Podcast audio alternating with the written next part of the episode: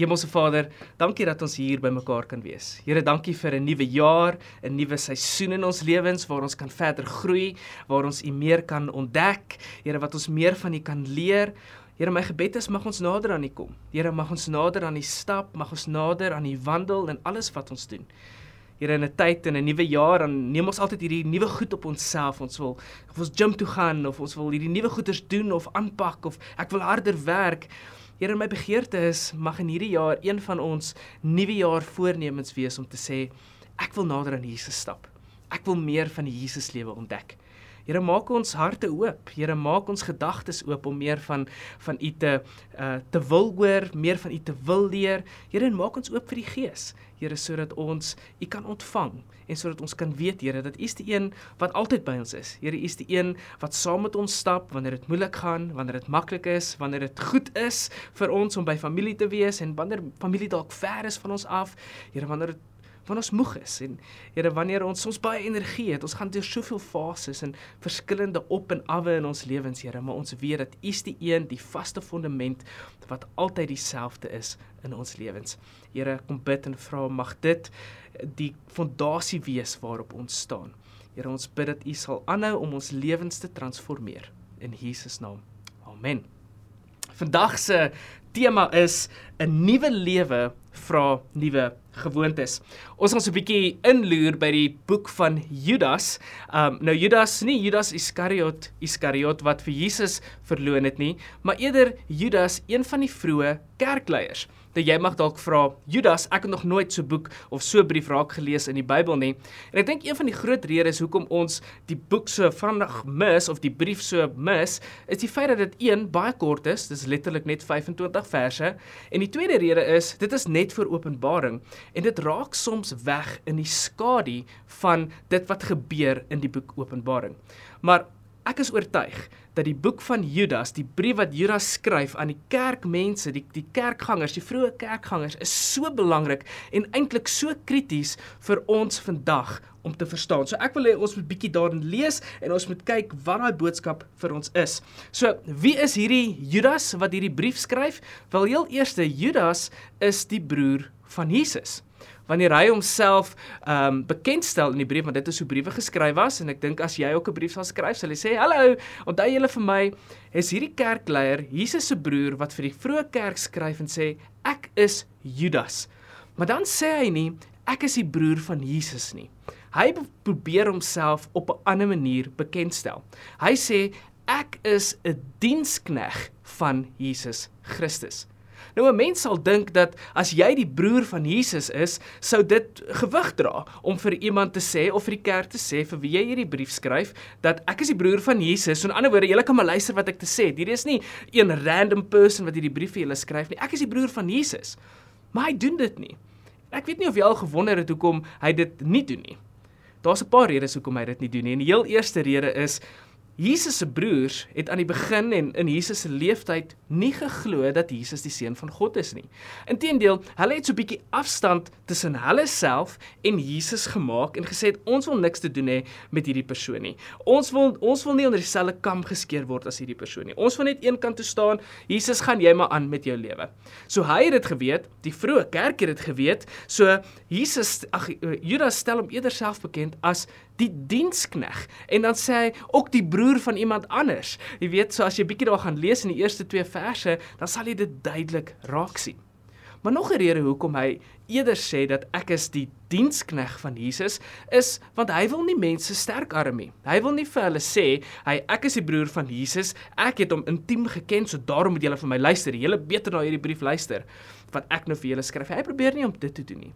Hy skryf hierdie brief en hy stel homself bekend op so 'n manier dat mense na hom sal kyk en mense na hierdie brief sal kyk om sy gesindheid raak te sien. En wat hy eintlik sê wanneer hy sê ek is die dienskneg van Jesus Christus, die een wat jy volg, dan sê hy eintlik die volgende. Hy sê die dit is meer of dit is beter vir jou om 'n dienskneg van Jesus te wees as wat dit is om sy broer te wees soos ek. Daar is 'n meer waarde daarin om die dienskneg van Jesus te wees as die wat die bloedlyn ons ooit aan mekaar sal kan bind. En dan begin hy hierdie boodskap skryf en en wanneer hy homself bekend gestel en hy sê ek wil vir julle 'n boodskap gee wat op my hart is. Dis 'n belangrike boodskap wat ek vir julle moet gee en ek kan nie langer uithou om hierdie boodskap te skryf nie. Ons ons lees dit in vers 3. Hy hy sê die boodskap is vir 'n kritieke tyd wat tyd wat ek vir julle wil stuur en daarom skryf ek dit haastig. Dit sê die volgende: Geliefdes, ek was baie haastig om aan julle te skryf oor die verlossing wat ons met mekaar deel. Maar nou voel ek verplig om aan julle te skryf en julle aan te spoor om aan te hou stry vir die geloofbelijdenis wat eenmalig oorgelewe is aan God se mense. Want sekere mense het hulle in julle geleedere ingewurm, goddelose mense. Net soos vandag skryf hy die boodskap aan 'n kerk wat besig is om weg te beweeg van die kernwaarhede van hulle geloof. Die brief is een wat uh, waarsku teen Christene wat eintlik voorgee om Christen te wees. Iemand wat voorgee om vir Jesus te volg, maar hulle lewe en dit wat hulle doen word nie daarmee geassosieer nie. Hulle lewe reflekteer nie dit wat hulle sê dat hulle glo nie. En hy wil hastig aan hierdie mense skryf want hy sê die tyd is besig om uit te loop en as ek julle nie gaan waarsku nie, gaan dit te laat wees vir julle om omdraai uh om om te draai. Daar gaan dan nie omdraai kans wees vir julle nie. Hy sê wat gevaarlik is wanneer ek jou net sou los, is dat dit gaan verder versprei in die kerk. So ek moet vir julle 'n brief skryf. Daar's iets op my hart wat ek vir julle moet skryf en ek moet dit dadelik doen. Ek moet dit aanspreek sodat daar transformasie en verandering in julle lewens gebeur. En hy sê dit, hy sê dit is wat waaroor ek vir julle wil skryf is as jy nie gaan pasop nie, is dit soos 'n infeksie wat jy gaan kry en dit gaan so vinnig versprei en die hele kerk gaan letterlik vrot. Hy sê ek wil vir julle waarsku dat tussen julle geleedere, tussen julle wat kerk is, is daar mense wat ingekom het en vals goed oor Jesus sê, wat vals goed oor die kerk sê en wat weird goeters glo. En hy sê julle moet pasop daarvoor want dit kan die ondergang van die kerk beteken. En hy sê dit is dringend nodig vir my om dit te skryf want as ons dit nie gaan aanspreek nie, gaan die kerk afvallig word en ons moet hierdie afvalligheid teenwerk. So ek wil vir julle lees uh, vanaf Judas 7 uh, 1 vers 17 tot 25 en ek lees uit die Nuwe Lewende Vertaling. So volg gerus saam met my. Hy sê uh, in vers 17: "Julle geliefdes, moet egter die woorde wat die apostels van ons Here Jesus Christus lank terug gesê het, goed onthou. Hulle het vir julle gesê dat daar in die eindtyd spotters sal wees wat hulle lewe inrig volgens hulle eie goddelose menslike drange. Dit is juis daardie mense wat verdeeldheid veroorsaak. Hulle leef volgens hulle natuurlike dinge en het nie het, en het nie die gees in hulle nie. Maar julle geliefdes, moet aanhou om julleself op te bou op die fondament van julle allerheiligste geloof. Hou aan om te bid terwyl jy heg verbind bly aan die Heilige Gees. Hou julle liefdesband met God in stand. Verwag die ontferming van ons Here Jesus Christus met die ewige lewe as einddoel. Die wat nog besluiteloos is, moet julle met ontferming behandel. Red ander deur hulle uit die vuur te ruk aan nog ander moet julle ontferming betoon. Maar wees uiters versigtig dat julle nie ook deur hulle sondige liste besmet word nie. Ja, verafskiet dit. Aan hom wat magtig is om julle van uh, van val te bewaar en julle sonder vlek met groot vreugde oor sy heerlike teenwoordigheid 'n uh, eh, stelling te laat inneem aan die ewige God ons verlosser op grond van wat Jesus Christus vir ons gedoen het, behoort die heerlikheid, die grootheid, die krag en die mag van altyd af en nou ook vir altyd. Amen. Die eerste gedeelte wat ek nou nie vir julle gelees het nie, praat Judas baie spesifiek met die kerk. En hy sê vir julle, julle, daar is valse profete in julle geleedere. En hy spreek dit eintlik dadelik aan en hy en hy trek 'n paar eh, lyne na die Ou Testament toe en hy sê kyk net wat het gebeur wanneer jy toelaat dat daar so as te ware 'n Trojan horse by julle inkom, 'n enemy van die binnekant af wanneer daar 'n vyand in die binnekant van julle is en letterlik binne julle inkom in hierdie infeksie laat versprei. Hy sê kyk net wat het in die Ou Testament gebeur. Kyk net elke keer wanneer die volk toelaat dat daar iets in hulle inkom wat hulle aandag wegvat van God af, wat hulle aandag wegvat van die aanbidding wat hulle aan God moet gee, wat hulle aandag wegvat om te groei. Elke keer wanneer dit gebeur, het die volk geval. So hy gee eintlik so 'n bietjie van 'n sterk waarskuwing aan hulle in die eerste gedeelte. Gaan gelees dit gerus.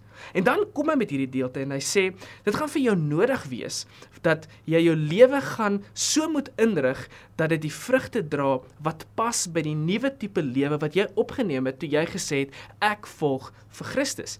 En Judas nooi dan ook die die gelowiges aan wie hy skryf in die vroeë kerk uit om deel te neem aan hierdie uh, nuwe lewe. En hy sê vir julle as julle deel is van hierdie lewe, gaan daar 'n paar goed met julle moet gebeur. En ek dink hy skryf dit aan 'n kerk wat vir Jesus dalk nie gesien het nie, maar gehoor het, wat opgewonde is oor die feit dat hy hulle red, dat opgewonde is dat hy uh mense gered het uit die dood uit en dat hy ons red uit die dood uit sodat ons kan vir ewig lewe. En ek dink mense is opgewonde daaroor, maar soos wat hulle lewe gebeur, soos wat ons lewe net gebeur en ons word besig met ons besigheid en ons familie en klop goeders wat ons moet doen, dan vat ons ons geloof en ons sit ons geloof so 'n bietjie in ons agtersak. En ek dink baie van ons doen dit. En miskien het jy in hierdie laaste ruk, laaste paar jaar miskien of laaste paar maande, maak nie saak wat nie, het dit dalk vir jou gevoel dat jy jou geloof in die agtersak gesit het. En jy is besig met 'n klomp goed in jou lewe, met familie en ander goeders wat moet aandag kry. En jy dalk besluit dat in hierdie nuwe jaar maak ek die besluit om om weer vir Jesus te volg sodat ek nader aan hom kan kom. En dit is presies vir die mens uh, vir die tipe mense wat wat Judas skryf. Hy sê julle moet weer daai besluit maak om te sê ons sit vir Jesus voor ons, nie agter ons nie. En ons moet hom volg. En dan gee hy vir ons 'n paar tips. En die heel eerste tip wat Judas vir ons gee en wat hy vir die kerk gee spesifiek vir wie hy skryf. En ek dink wat kritiek is en ons is ook 'n kerk wat soms baie kritiek is. Skryf hy hierdie en hy sê in vers 17: "Julle moet goed onthou. You need to remember Hy sê die eerste ding wat belangrik is vir jou is wanneer jy wil groei in Christus, wanneer jy wil verder groei en wat belangrik is vir jou is jy moet vashou aan die goeders wat die apostels wat Jesus vir julle geleer het, wat jy raak gelees het in die Bybel, daai goeders moet jy goed onthou. Met ander woorde, jy moet seker maak dat jy weet wat jy glo. Want wanneer jy weet wat jy glo, gaan mense jou nie vinnig aan die neus begin rondlei nie. Wanneer jy weet wat jy glo, wanneer jy vas staan in jou geloof, dan wanneer iemand inkom by jou en hulle sê ek dink jy moet eerder op hierdie tipe manier glo, want die manier wat jy glo pas nie in by die samelewing nie. Hy sê jy sal dan vinnig optel dat dit 'n vals persoon is wat nie die regte geloof uitleef nie. So in ander woorde, jy moet seker maak, jy moet goed onthou dit wat ons vir jou geleer het. Dit wat die kerk vir jou geleer het, dit wat jy in die Bybel lees. Jy moet seker maak dat jy weet wat jy glo. Julle ek het al 'n paar keer met mense gepraat en, en dan is hulle onseker oor wat hulle glo. En dan hoor ek hierdie ding by hierdie mense en ek hoor daai ding by daai mense en dan is ek soos watter kant toe? Ek weet nie watter kant toe om te gaan nie. Wat Judas vir die kerk skryf, hy sê Is jy seker jy weet wat jy glo? En dit sal goed wees vir jou as jy weet wat jy glo. Daarom is dit nodig vir jou om seker te maak dat jy die Bybel lees, dat jy dit verstaan en dat jy naby aan Jesus leef sodat hy dit vir jou kan openbaar, sodat jy nie aan jou neus rondgelei word nie. John MacArthur skryf hieroor en hy sê dat dit is nodig vir ons om een onsself en ons geloof te beskerm te beskerm teen die infiltrasie van valse profete en dit is ook nodig vir ons om dit te beveg.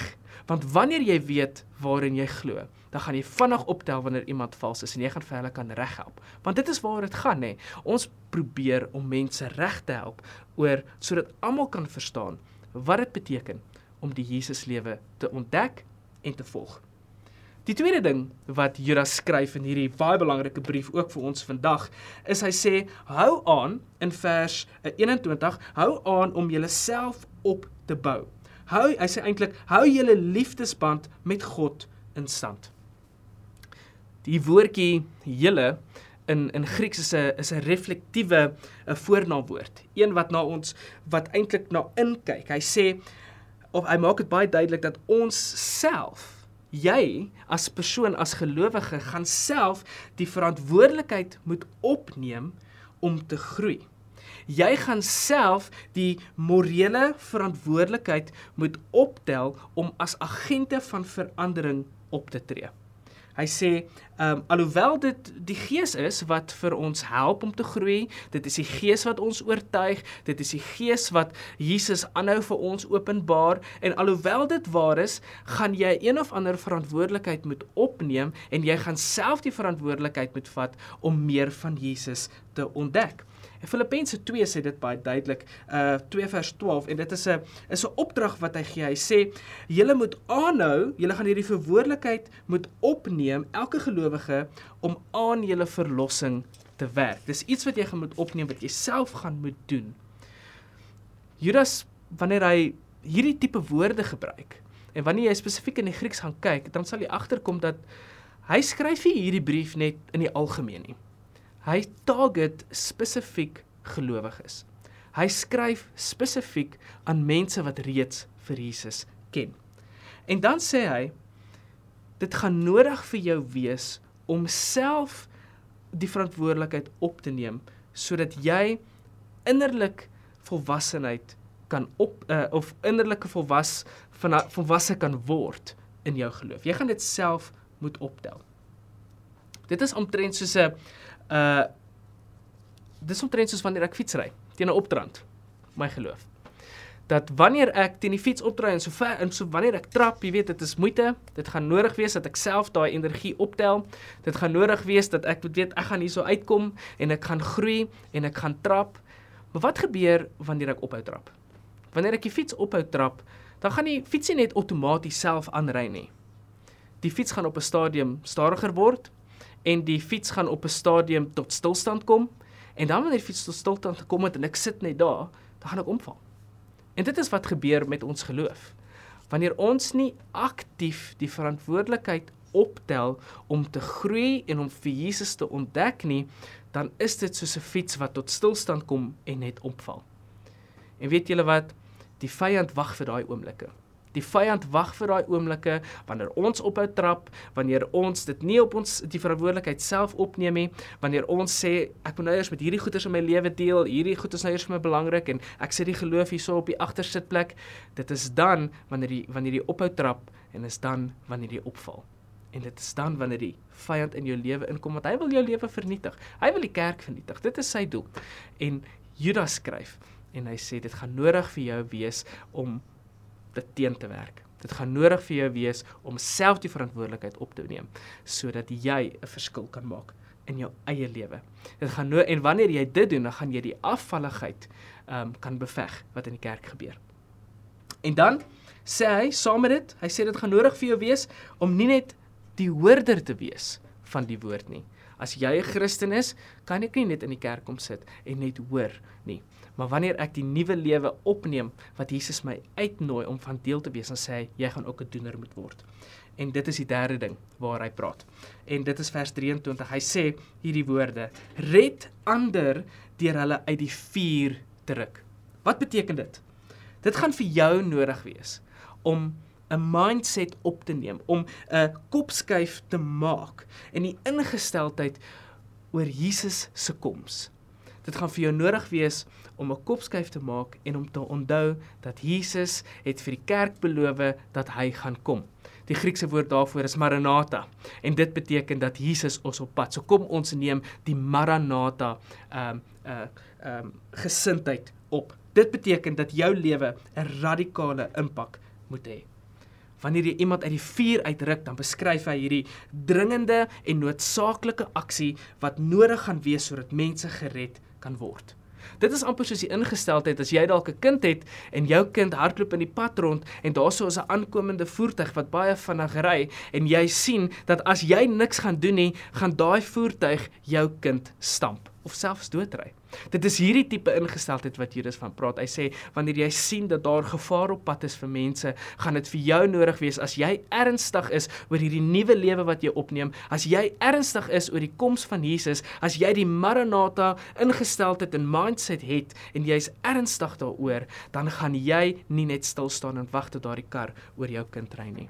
Wat jy gaan doen is, jy gaan hardloop. Jy gaan seker maak dat jy betyds by daai kind uitkom sodat jy daai kind kan vat en uit die pad uitruk. Daai aksie is nodig vir jou om iemand te red. Judas skryf dit vir die kerk en hy sê jy gaan dit vir mense moet doen wat jy sien in gevaar is. Jy gaan mense uit die vuur as te waarheid moet ruk. Maar wanneer ek voor die kar in hardloop, dan kan ek nie die kind vat, een kant sit en net daar bly staan nie. Hy sê jy moet oppas op dat wanneer iemand besig is met 'n klomp goed in hulle lewe en jy sien dat hulle lewe is besig om tot die dood toe te lei, dat hulle besig is om hulle lewens te vernietig en dat sonde besig is en jy wil hulle gaan help, dan moet jy pasop dat die sonde nie jou intrek nie. Jy moet pasop dat jy nie jouself in die plek sit van die sonde en dit jou aftrek nie. So in ander woorde, jy gaan mature genoeg moet wees. Jy gaan volwasse genoeg moet wees. Jy gaan so naby die Here moet leef as jy mense wil help, want anders gaan hulle jou maklik aan aftrek as jy nie daar is nie. Jy moet pasop sê. Hy sê daarso as jy dit weer gaan lees, jy moet pasop dat jy nie ingesluk word deur dit wat besig is om te gebeur nie. En weet julle wat? Saam met dit moet ons glo dat Jesus die een is wat mense se lewens kan verander.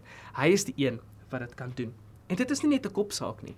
Dit is 'n hartsaak. Dit is iets wat hierso aan die binnekant van ons gebeur wat ons van hier af vat en dit vloei uit ons uit en ons wil mense help sodat hulle nader aan Jesus kan kom, sodat hulle kan verstaan wat is dit wat ons het? Wat is hierdie boodskap van hoop en vrede en liefde? Daar is 'n ou, sy naam is Vance Havner. En hy sê die volgende, hy het gesê when people do not mean business with Christ in their hearts, they will not do business with Christ with their hands. There is no place in Scripture for the type of church member who sings, Oh, how I love Jesus, but feeds no sheep. Who sings, Rescue the perishing, but does not rescue work himself. Judas maak dit baie duidelik. En hy skryf dit vir die kerk en ek dink vir ons vandag dat jou nuwe lewe en die nuwe gewoontes wat jy opneem maak dat jy sterker word, maar dit maak van jou iemand wat 'n agent van verandering is in hierdie wêreld. En daarmee wil ek jou los. Vir hierdie nuwe jaar, wanneer jy 'n nuwe jaar voorneme maak en jy wil dalk 'n beter lyf hê of jy wil dalk meer werk of harder werk of minder hard werk, saam met dit wil ek jou uitnooi en uitdaag om te sê hierdie jaar wil ek nader aan Jesus stap. En mag die brief van Judas jou help om dit reg te kry. Kom ons bid. Here, dankie vir hierdie ehm um, uitdaging wat ons het. Here, waar U in in die boek van Judas of die brief van Judas aan die kerk, Here vir ons uitwys dat dit gaan vir ons nodig wees om om 'n paar goeders in ons lewe te verander as ons hierdie effektief wil doen. Dit gaan vir ons nodig wees om om na onsself te kyk, om vas te hou aan dit wat ons glo en weet dit gaan vir ons nodig wees om self aandag daaraan te gee en dit gaan vir ons nodig te wees om dit nie net vir onsself te hou nie maar om iets daarmee te doen. Here help ons daarmee in hierdie nuwe jaar. Here mag U ons seën in Jesus naam. Amen.